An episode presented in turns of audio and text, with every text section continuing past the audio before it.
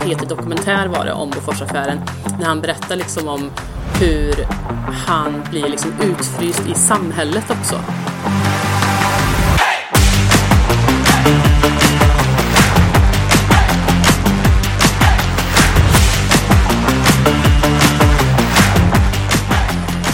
Allihopa och varmt välkommen till direktionen med Tunholm och Jägerborn. Jag heter Ann-Sofie Tunholm och eh, med mig som alltid har jag min poddkompis Malene Jägerborn. Hallå där! Hej Ann-Sofie! Jag har varit ute på min powerwalk med stavar idag och snittat 9,55 per kilometer. Oj, och det innebär bra där! att min, ja, min snittpuls ligger på 130 då i 53 minuter. Så jag känner att jag har fått fart på livsandarna. Ja, vad Eh, härligt! Jag är mer än redo.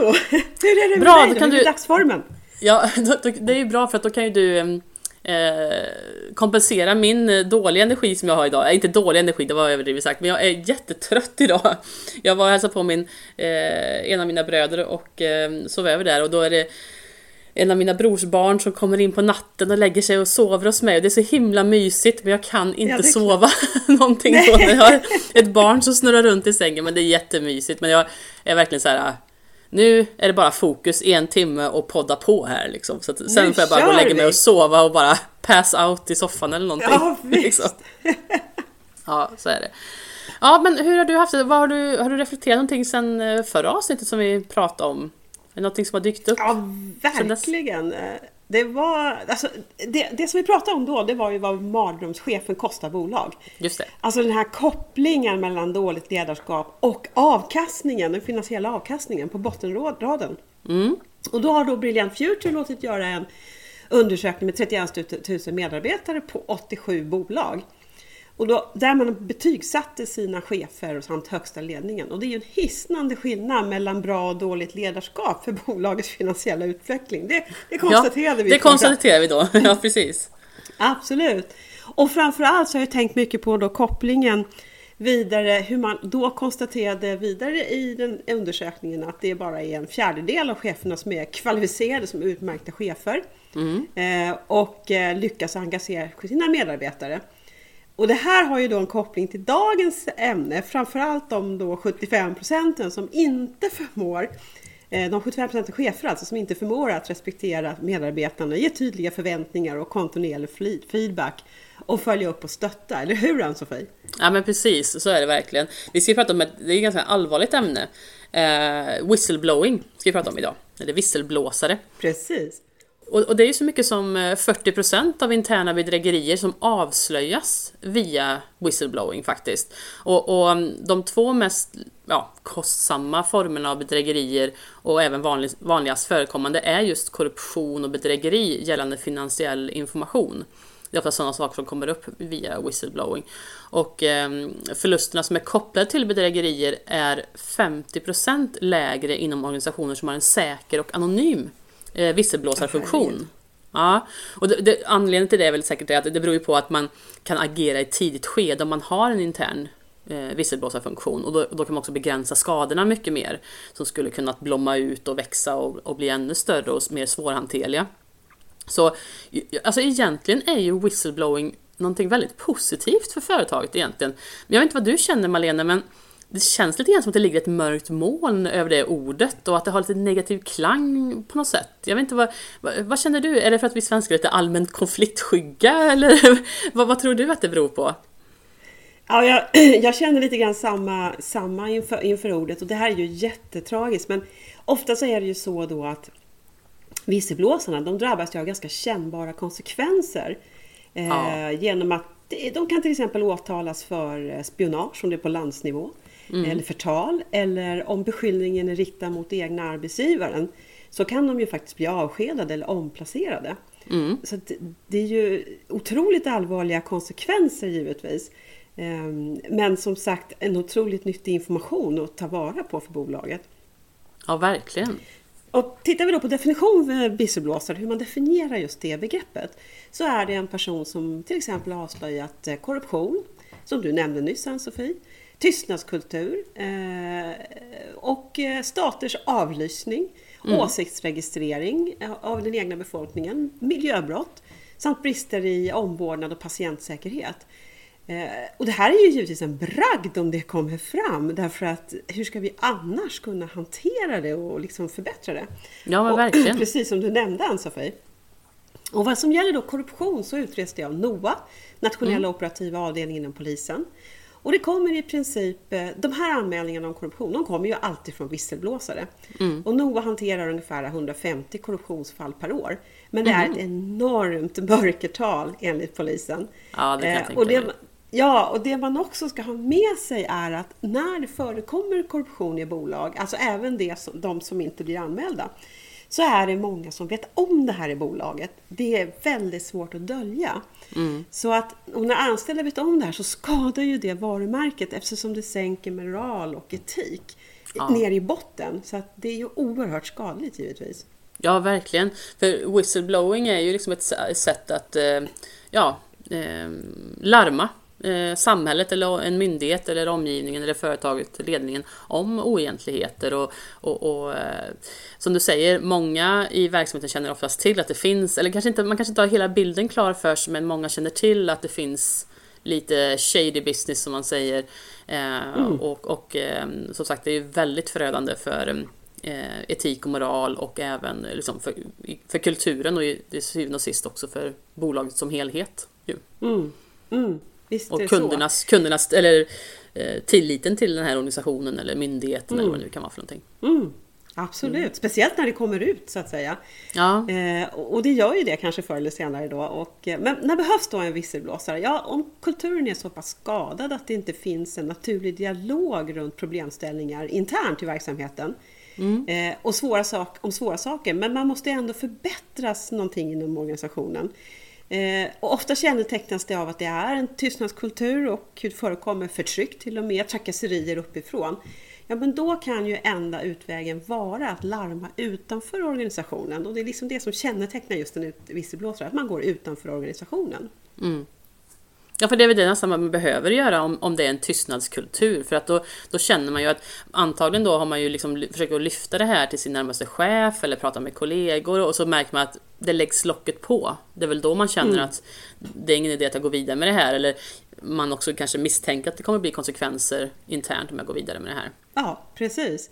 Även fast jag har sett den här typen av dålig kultur på nära håll själv och jag har också sett faktiskt visselblåsare bli straffade. Eh, och för, för långt ifrån alla organisationer har ju en säker visselblåsarfunktion.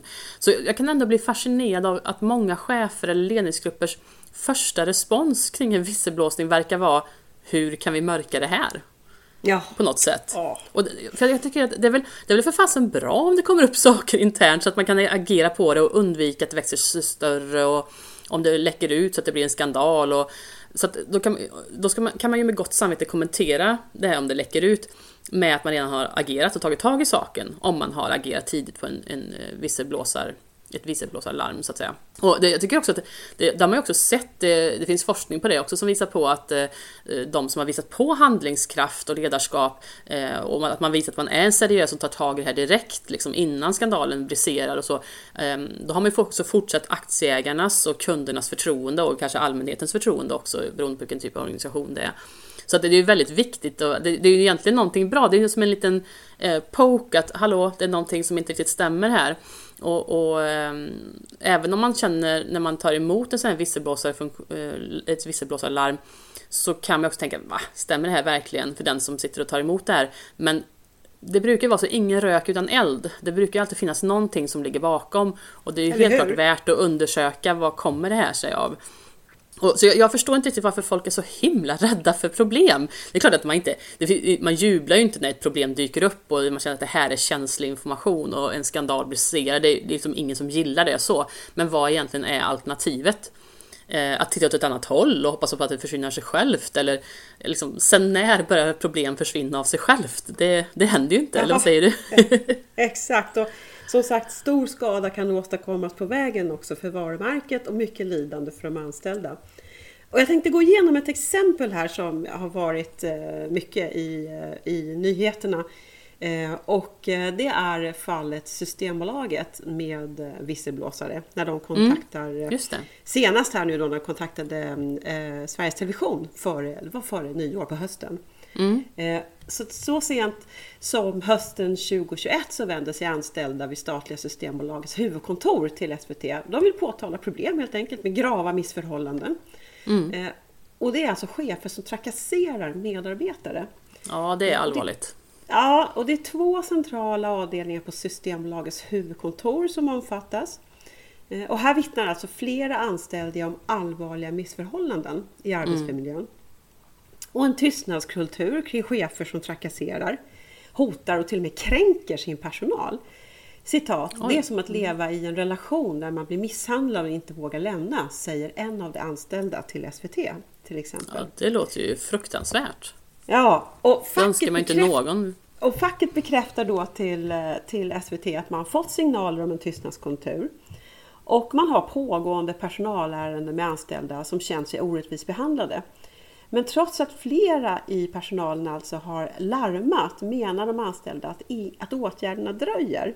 Mm. Citat. Jag har själv larmat om den här situationen till mitt fackförbund och också till HR. Och jag upplever inte att man tar tag i situationen fast man känner till den. Och jag tror att det i grund och botten handlar om att man är så van i att i nuläget komma undan.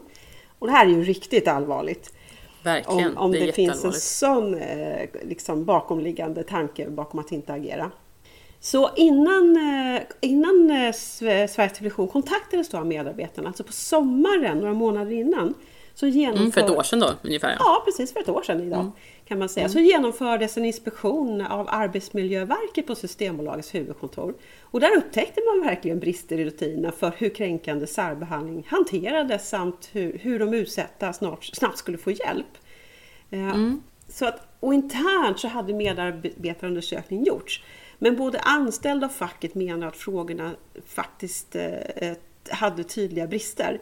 Eh, till exempel så var de utformade utan koppling till den psykosociala arbetsmiljön och hur de anställda upplevde ledningen. Så att jag gissar mm. här nu men att frågorna var mer utformade efter hur stolarna och kontorsborden var utformade samt belysning, alltså rena fysiska ja, betingelser. Eh, och det mm. kan ju vara förträffligt. Alltså själva den fysiska arbetsmiljön kan vara helt förträfflig, men kulturen kan vara usel. Eh, ja, så man frågar får man svar brukar man ju säga när det gäller medarbetarundersökning. Det, det, det, det, är svårt att göra. Jag har själv gjort många medarbetarundersökningar eh, och lagt upp frågor som det är jättesvårt. Det kräver ett enormt arbete för att veta exakt vad är det vi får svar på och inte styra medarbetarna för mycket Absolut. till ett visst resultat. Eh, och det bästa metoden där är ju faktiskt att inte ställa frågorna utan att låta medarbetarna formulera frågorna. Mm. Då får man ju faktiskt en mer verklighetsförankring i svaren också. Eh, så att ordförande och klubbordförande i Unionen konstaterade vid det här eh, tillfället också då, vi ser att det behövs mer frågor kring ledarskap. Ja, det var väl smart att konstatera det då i alla fall. Ja, ja alltid något. ja, men historien slutar inte där. Så att eh, nu var då på hösten SVT inblandad och började reda ut det här. Och jag satt själv hemma i tv-soffan och liksom såg de här intervjuerna och tyckte att det hela var extremt märkligt och väldigt, väldigt bristfälligt hanterat. Framförallt från mm. ledningen. Mm. Och bolagets ledning den utgörs enligt aktiebolagslagen kapitel 8 av styrelse och VD. Eh, dåvarande mm. VD för Systembolaget hon avböjde helt att kommentera när SVT bad om att få en intervju under, mm. senhäst, under senhösten. Och eh, inte heller eh, styrelseordförande såg vi i TV-rutan. Och det här är ju väldigt anmärkningsvärt. När den högsta ledningen som är ansvarig för organisationen duckar och inte mm. vill ställa upp. Det är extremt anmärkningsvärt faktiskt. Eh, och ja, det ser man lite olika, det ser man lite grann ibland i olika sammanhang. En del, en del eh, går ut och sen så en del bara hänvisar vidare till någon annan och sådär. Det är lite olika hur en del eh, företag gör det. Det har man ju sett genom åren. När det ja, och det blir också en väldigt viktig del i hur, hur det anses utifrån och inifrån hur bolaget hanterat kriser. Men när det är en sån här typ av allvarlig betraktelse som har gjorts utifrån, då ska styrelseordförande eller i alla fall VD ta, ta liksom den här intervjun. Eh, nu så slängde man istället in bolagets HR-direktör som i tv-intervjun uppger att det här är nya uppgifter för mig. Alltså, det är inte bra. Så att, eh, nej. nej. Och det här ger, alltså i detta fall så ger ju högsta ledningen att de duckar, det ger ju bara ytterligare vatten på kvarnen. Eh, ja. Och vidare då, i, fortsatte det här under, under senhösten, vintern Eh, Systembolaget de lyder ju under socialdepartementet och hela ledningen mm. blev uppkallad på ett så kallat ägarmöte där det hade lagts till en punkt om just detta då med anledning av att SVT hade börjat gräva i det här. Då blir det ju plötsligt offentligt. Så då kan man liksom inte ducka längre. Och, eh, Nej, ja, och ledningen för där fick där förklara sig och där var även Helena Hallengren, då, socialminister, eh, närvarande. För det är ju staten som är ägare helt enkelt till Systembolaget. Eh, och mm. efter SVTs granskning så har också en rad andra personer kontaktat eh, SVT med uppgifter om att arbetsmiljöproblem även bland butikerna. Alltså inte mm. bara mm. huvudkontoret. Ja, just det. Mm. Och vi, vi vet inte, det finns ingenting att läsa vidare om hur det har yttrat sig hos Systembolaget Arbetsmiljö nu. Eh, men det går bra att tala om det för oss, vi lovar att hantera det anonymt. Vad vi däremot vet är att Systembolaget eh, kort därefter bytte VD redan 22 januari. Eh, och tittar vi längre bak i Systembolaget, hur, det, hur man har hanterat kriser och så, så, så förekommer det även före det här en hel del skriverier om mutskandaler och korruption. Så det här är ju en kultur som har pågått väldigt länge och omfattar 6000 mm. anställda. Det är ju ganska, alltså det är ganska smärtsamt Ann-Sofie, eller vad säger du? Ja, verkligen. Och jag tycker, jag tycker det är bra att lyfta det här, även om inte det... Alltså det är ju, sen i vintras, höstas kan man ju säga, det här briserade ordentligt. Men jag tycker ändå det är bra att lyfta det här exemplet, för det, jag tror att många som lever i en tystnadskultur känner igen sig i det här exemplet som du lyfter.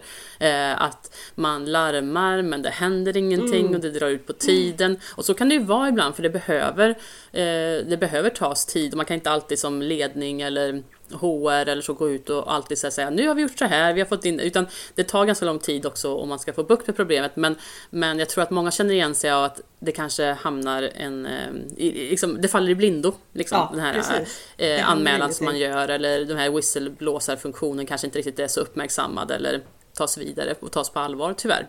Precis.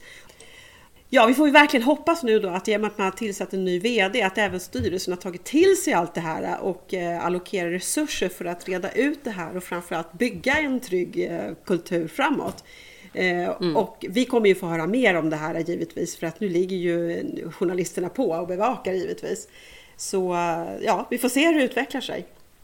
Ja, och det, det, är det som jag tycker kan vara lite tråkigt ibland när man, eh, som du och jag, letar lite grann efter information till podcast eller sådär, eller vill lära oss mer. Så ofta så kan man, så man får höra om skandalerna, men man får inte alltid höra om det uppföljande arbetet, om det har gått bra eller sådär. Det, det skulle vara ganska kul.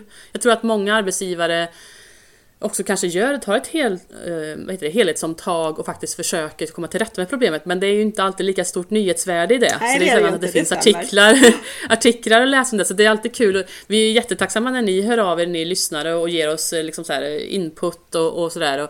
Som precis som Malena sa förut, hör gärna av er om ni vet eh, att det har förändrat sig eller haft positiva mm, upplevelser kring olika saker som vi pratar om och sådär. För att det, det, är inte alltid lätt, att, ofta sitter man ena sidan men inte den andra mm. och, och, det kan vara både på gott och ont så att säga. Mm. mm. Också.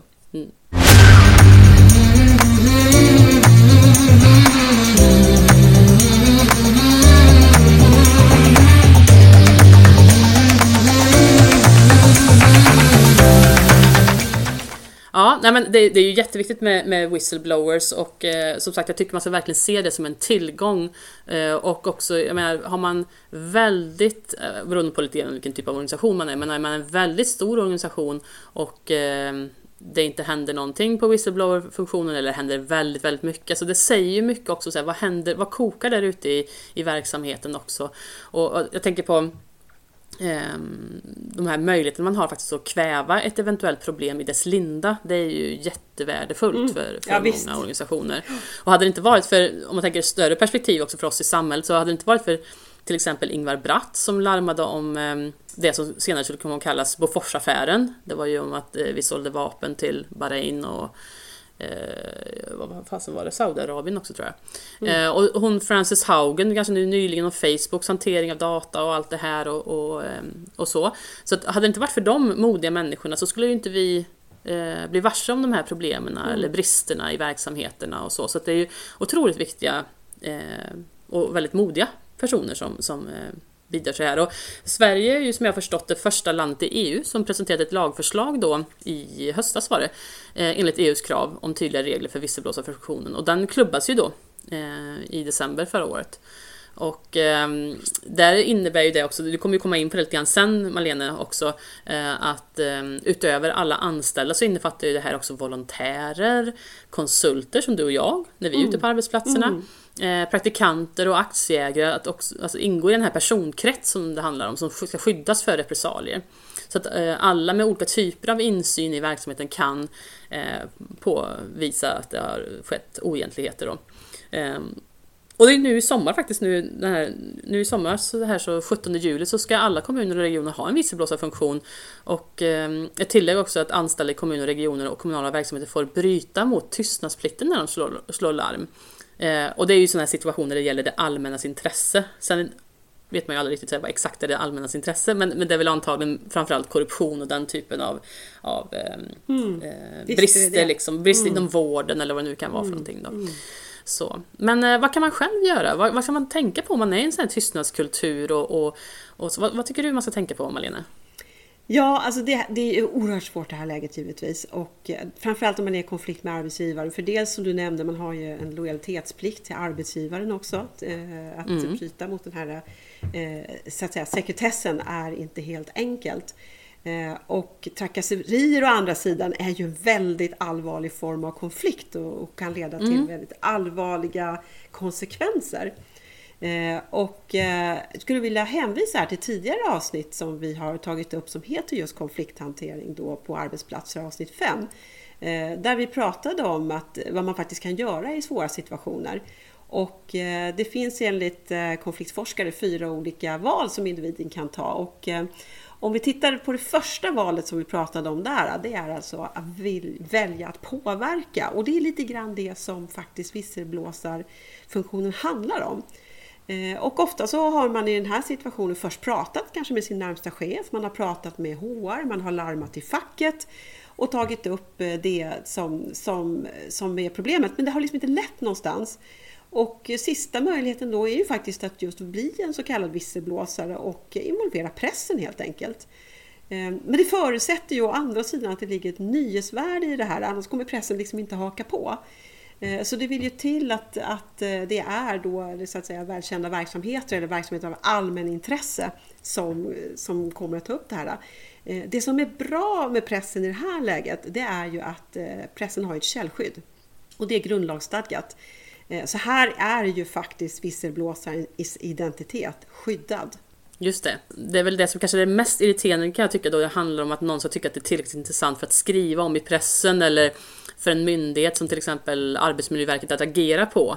För det där kan tycka jag, då tycker mm. jag så här hur väl funkar våra lagar? Är det mer lagligt om inte man har tid eller lust att följa upp på det? Alltså det, det, känns lite, lite konstigt liksom när vi har lagar och regler att följa och de inte alltid uppmärksammas, de här oegentligheterna. Och jag har själv kollat upp, kollat upp en, just vid en situation jag hade Eh, med en kund som, som vid flertalet tillfällen hade skrivit då till eh, Arbetsmiljöverkets visselblåsarfunktion angående ganska anmärkningsvärda brister i arbetsmiljön eh, hos sin arbetsgivare. Då. Så, och för att hjälpa den här kunden lite grann, mm. för den var ganska, han var ganska desperat kring det där, så ringde jag bara upp Arbetsmiljöverket och frågade vad, hur, hur ser liksom processen ut för anmälningar, bara så man vet gången i det hela. Men vet du vad de sa? Eh, ja, alltså jag har en föraning nu om att Ann-Sofie, det du ska säga nu kommer inte vara något bra. nej, nej, det är väl tyvärr så. De, de sa det här var för, vad blir det? Ja, det var ett par år sedan var det. Eh, då sa de så här att de anmälningar som kommer in, de hamnar liksom i något mörkt tomrum, någon slags mailkorg, eh, där inga anmälningar ärendeförs överhuvudtaget. Utan de hamnar bara, hamnar bara där. Och om de har tid, de som jobbar där, så tittar de ibland på anmälningarna. Men de har dem sällan. Och därför kommer man inte få någon återkoppling eller ens att anmälan blir liksom registrerad på något sätt. Och det här var ju innan då lagförslag, eh, det här laget, nya lagen klubbades igenom. Och ja, kalla mig gärna pessimistisk men jag hyser väl kanske ingen större förhoppning kring att det här fungerar annorlunda nu eh, efter det, eh, tyvärr. Men, men det kände jag var ganska anmärkningsvärt att man, sen förstår man väl kanske att de kan inte agera på varenda anmälning som kommer in, men man borde kunna se mönster om det är flera från samma bolag eller samma eh, myndighet som, som det kommer in återkommande till. Man borde kunna se ett mönster, men här verkar det ju vara väldigt randomiserat liksom, hur man gick in och tittade och väldigt svårt att få sin överblick då, verkar det som. Men jag hoppas att de har gjort, eh, tagit åtgärder mot det nu, för att eh, annars så känns det ganska lönlöst i så fall. Ja, det här var till och med värre än vad jag faktiskt hade föreställt mig vad du skulle säga Ja. Sofie. Det var ju katastrofalt, Ja. verkligen. Eh, Men som sagt, det här visselblåsardirektivet, och det är ju inte bara Sverige som har haft eh, problem med det, med att eh, visselblåsare råkar illa ut. Utan som, som vi har nämnt redan, det är ju ett EU-direktiv. Ja. Och eh, själva syftet med det då, det är ju att skydda identiteten hos den anställde som vill rapportera om oegentligheter på arbetsplatsen. Mm.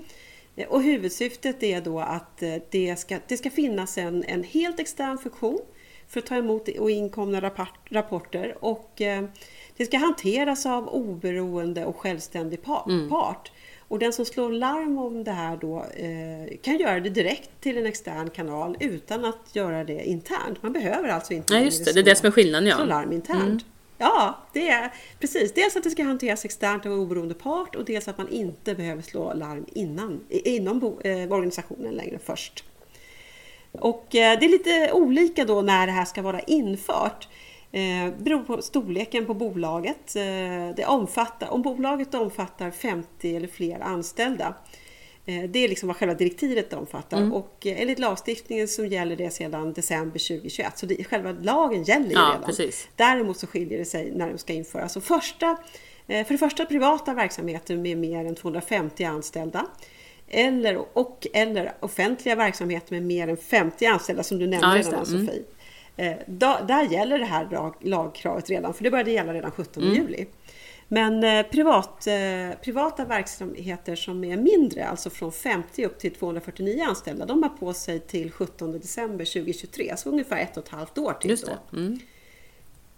Och som sagt, en enskild visselblåsarens identitet ska vara skyddad under själva rapportering och insamling och analysfasen. Det är hela liksom vitsen. Eh, Men här är man ju då liksom lite skeptisk med tanke på kanske vad man har fått ta del av tidigare. Om det här verkligen är vattentätt, om man tänker på hur enormt stora värden som står på spel för arbetsgivaren som redan kanske har då korruption och trakasserier där det redan förekommer. Då är det frågan om vad, vad säger etiken och moralen? Hur långt är man beredd att gå i det här läget? Och sen är det dessutom så här att om det skulle gå till rättegång Mm. så försvinner sorgligt nog skyddet av identiteten för visselblåsaren. För vi har inte något direkt vittnesskydd i Sverige. Nej, Det är på gång att stärkas gällande skydd av vittnen i rättegång inom gängkriminalitet. Ja. Men Mm. eh, det är ju inte riktigt detta. Och Nej. eh, så vid rättegång så röjs alltså visselblåsarens identitet. Och det är ju oerhört tragiskt för där är man ju helt utlämnad igen då Mm. i det läget. Men det är väl, eh, å andra sidan måste jag säga, det måste ju vara, ja jag förstår vad du menar för att det, det kan bli väldigt tufft för den personen och, och att eh, identiteten avslöjas. Det kan verkligen se har vissa problem med sig. Men också så, kan jag tänka mig att å andra sidan det kan vara väldigt svårt att utreda om man inte vet hur man inte kan gå vidare med just den personen och, och få ut fakta till en liksom, rättegång. Så jag kan tänka mig att det kanske är svårt att ha ett fullständigt vittnesskydd. Jag vet inte. Jag är inte så insatt alltså, i och för sig i just den biten. kun- kunna få ändå Mm. i det här fallet genom intervjuer med individen. Men det behöver ju inte vara så att individens identitet röjs för det Nej. i eh, den offentliga dokumentationen i, som rättsväsendet använder i det här fallet då för, Mm. för att driva fallet framåt. Eh, och det är ju det de tittar på nu just inför gängkriminalitet också. Hur man Mm. Ja, ska precis. skydda vittnet. Så man kan ju hoppas Det är vittnen på lite olika sätt också. över. Är det ja, precis. Ja. Mm. Man man kan hoppas att det spiller över just till visselblåsarfunktionen också. Mm. Ja, precis. Ja, nej men det, det är intressant det här och jag vet eh, PWC gjorde, de har en sån här Global Economic Crime Survey, de gjorde den senast 2007 tror jag. Eh, och enligt dem så är ju whistleblowers det bästa sättet att upptäcka bedrä- bedrägerier på, så vi vill ju att fler ska kunna lyfta oegentligheter som, som sker på arbetsplatserna också och att vi, ledning och HR ska vara så pass engagerade och insatta i verksamheten så att de kan också särskilja när det blir eh, icke-relevanta faktiskt också whistleblowers, för det finns ju det också måste man ju säga. Det kan komma in allmänna missnöjen och klagomål också. De säger någonting de också, absolut. Det gör de, absolut. Så att man behöver ju alltid tänka på vad, vad, vad är anledningen till att vi får in det här, även om inte det är en konkret eh, och verkar seriös, som en seriös whistleblowing så, så är det ju ändå en intressant signal att ta fasta på. Eh, och eh, prof- professionella utredare då, de eh, avslöjar ungefär 19 procent av alla bedrägerierna. Så att, eh, och medan visselblåsare står för 43 procent. Så det är väldigt stor skillnad på, eh, och det ser man ju verkligen hur viktiga visselblåsarna är just för att avslöja eh, bedrägerier. Och det sparar ju, som vi var inne på, sparar företaget och aktieägarna miljarder årligen enligt den här mm. undersökningen. Då. Eh, och de säger också att 80% av de som drabbats av bedrägerier uppger att det inneburit, eh, in, inneburit, det har inneburit skador eller omfattande skador på verksamheten och affären. Och naturligtvis också beroende på hur snabbt man har agerat och så. Och några andra sådana intressanta keynotes från den här undersökningen var också att de flesta bedragare som man har kommit på, de tenderar att vara risktagare eller väldigt målmedvetna människor som är extroverta och drivna av liksom karriär och framgång. Och det är intressant koppling att det är ju faktiskt personlighetsdrag som man skattar väldigt högt vid rekrytering av seniora positioner också. Ja. Eller hur? Det är lite intressant. Det är, man får ju faktiskt ja, tänka på att det, det, kan eh, slå över till fel sida, till the dark side så att säga, om det går mm. vill sig illa. Ehm, och ehm, sen har de också en, en punkt var If you do not look, you do not see.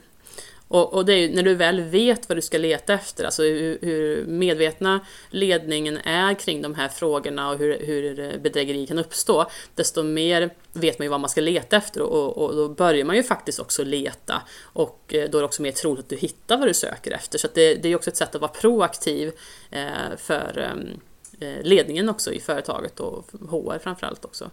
Um, och sen så en annan som är, en, ja, det här är ju no-brainer men det tål ändå att sägas uppenbarligen.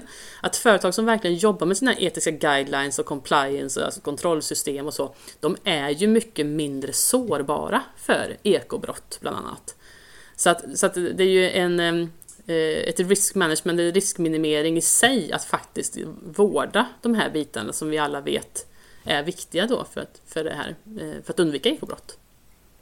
Ja, och det är ju samma sak med om man jobbar systematiskt eh, med att eh, förekomma trakasserier, vilket ja. man ska göra med lagen, enligt lagen också. Mm. Eh, då är det klart att man ligger ju bättre till helt enkelt, självklart. Ja, verkligen, verkligen. Och eh, sista punkten var också att alla, som, alla strävar ju liksom efter hög produktivitet och hög prestation.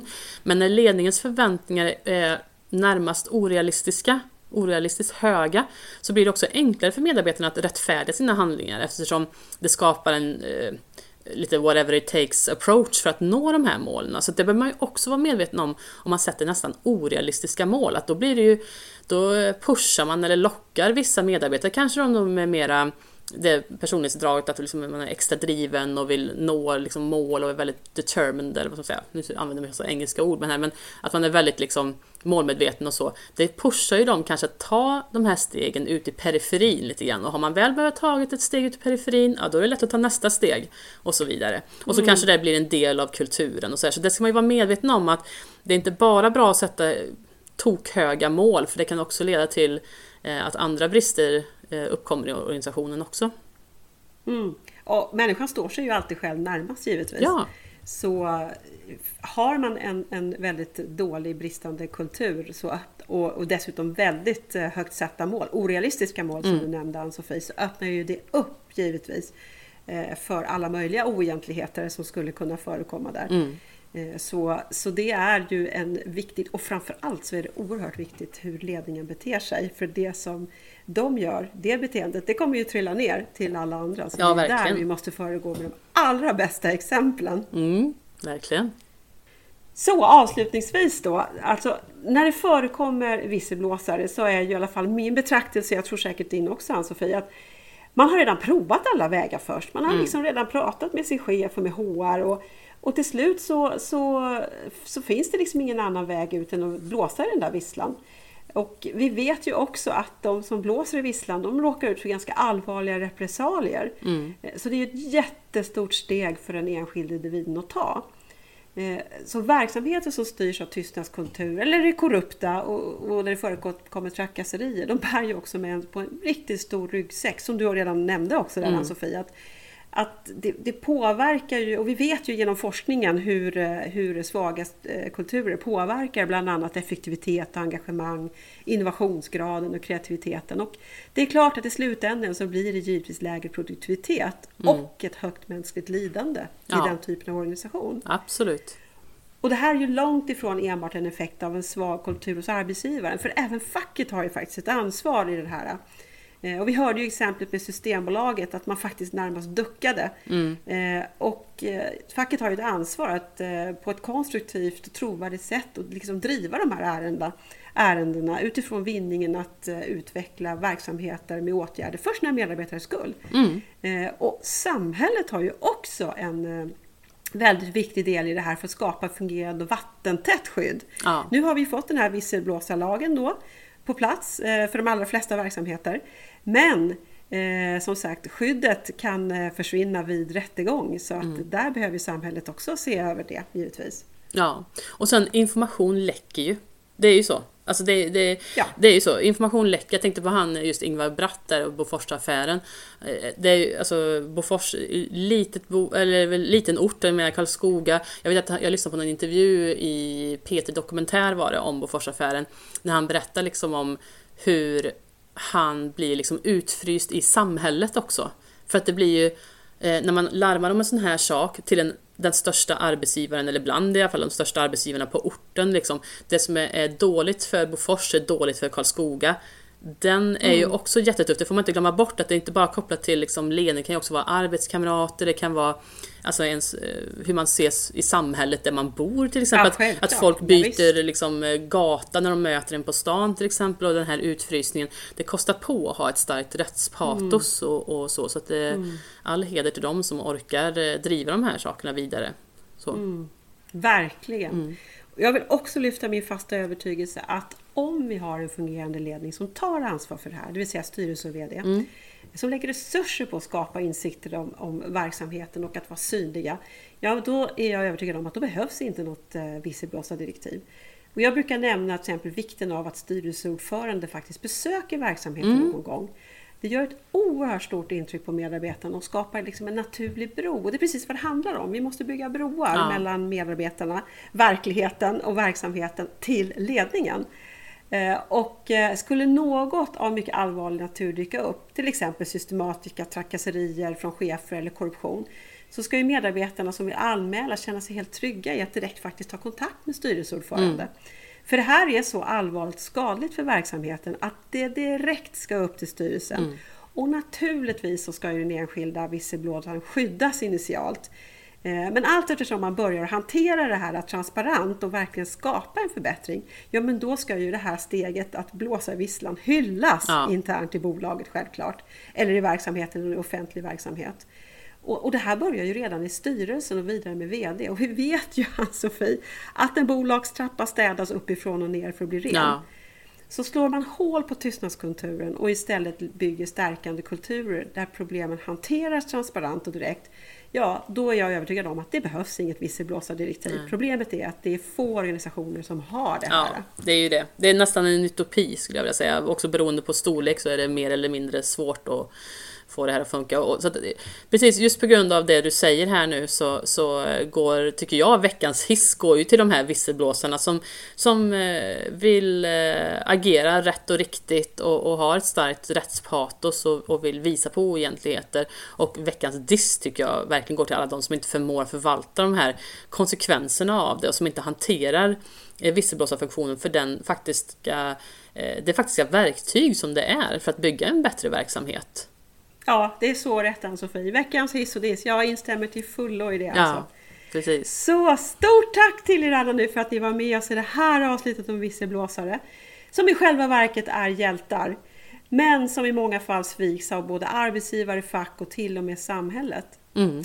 Så det tål verkligen att fundera på detta och att göra någonting åt det. För det finns så stora värden att skydda i att agera proaktivt i detta. Verkligen. Och inte annat stå upp för sig själv och sina egna värderingar egentligen. Så kämpa på, heja på! Ja visst, absolut. Och länkar till undersökningar och forskning, det vi har pratat om idag, det kommer ni som vanligt att hitta på LinkedIns sida Ledarpodden Direktionen. Ni kan också nå oss om ni vill ställa frågor eller ha förslag eller om ni vill bli sponsorer på direktionenpodden gmail.com. Sådär Ann-Sofie, då var vi klara för idag. Då tackar vi för oss. Jajamän, det gör vi. Ha en fantastisk vecka allihopa där ute. Så hörs vi snart igen. Hej då!